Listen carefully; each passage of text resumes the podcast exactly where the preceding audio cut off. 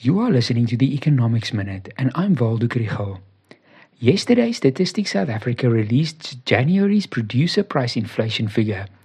Producer price inflation rose from 4% in December to 4.7% in January. The PPI basket and weights were adjusted for final and intermediate manufactured products. This episode is supported by the NWU Business School. PPI measures the prices of inputs into the production process and manufactured products at the factory gate. Statistics South Africa's survey on the manufacturing industry was used to adjust the products in the basket and the weights that they count. The products added include plastic car parts, vehicle air conditioning systems, feed for pigs, uncooked pasta, and solar panels.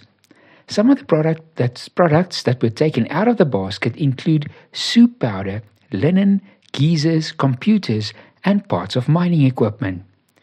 In the month of January, the categories that made the biggest contribution to annual producer price inflation were food products and non alcoholic beverages with a 4% increase, metal, machinery, and equipment with a 5.8% increase, coke, petroleum, chemical, rubber, and plastic products with a 2.7% increase, and transport equipment with a 7.3% increase year on year. The annual percentage change in the PPI for intermediate manufactured products was only 0.2%. For electricity and water, it was 16.8%.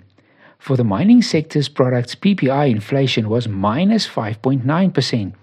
And for agriculture, forestry, and fisheries, it was 6.6%. All in all, it doesn't look like there's a lot of upward pressure on prices across a wide front, and inflation should continue to decline slowly. Good news about inflation from the US is that their personal consumption expenditure measure of inflation eased in January.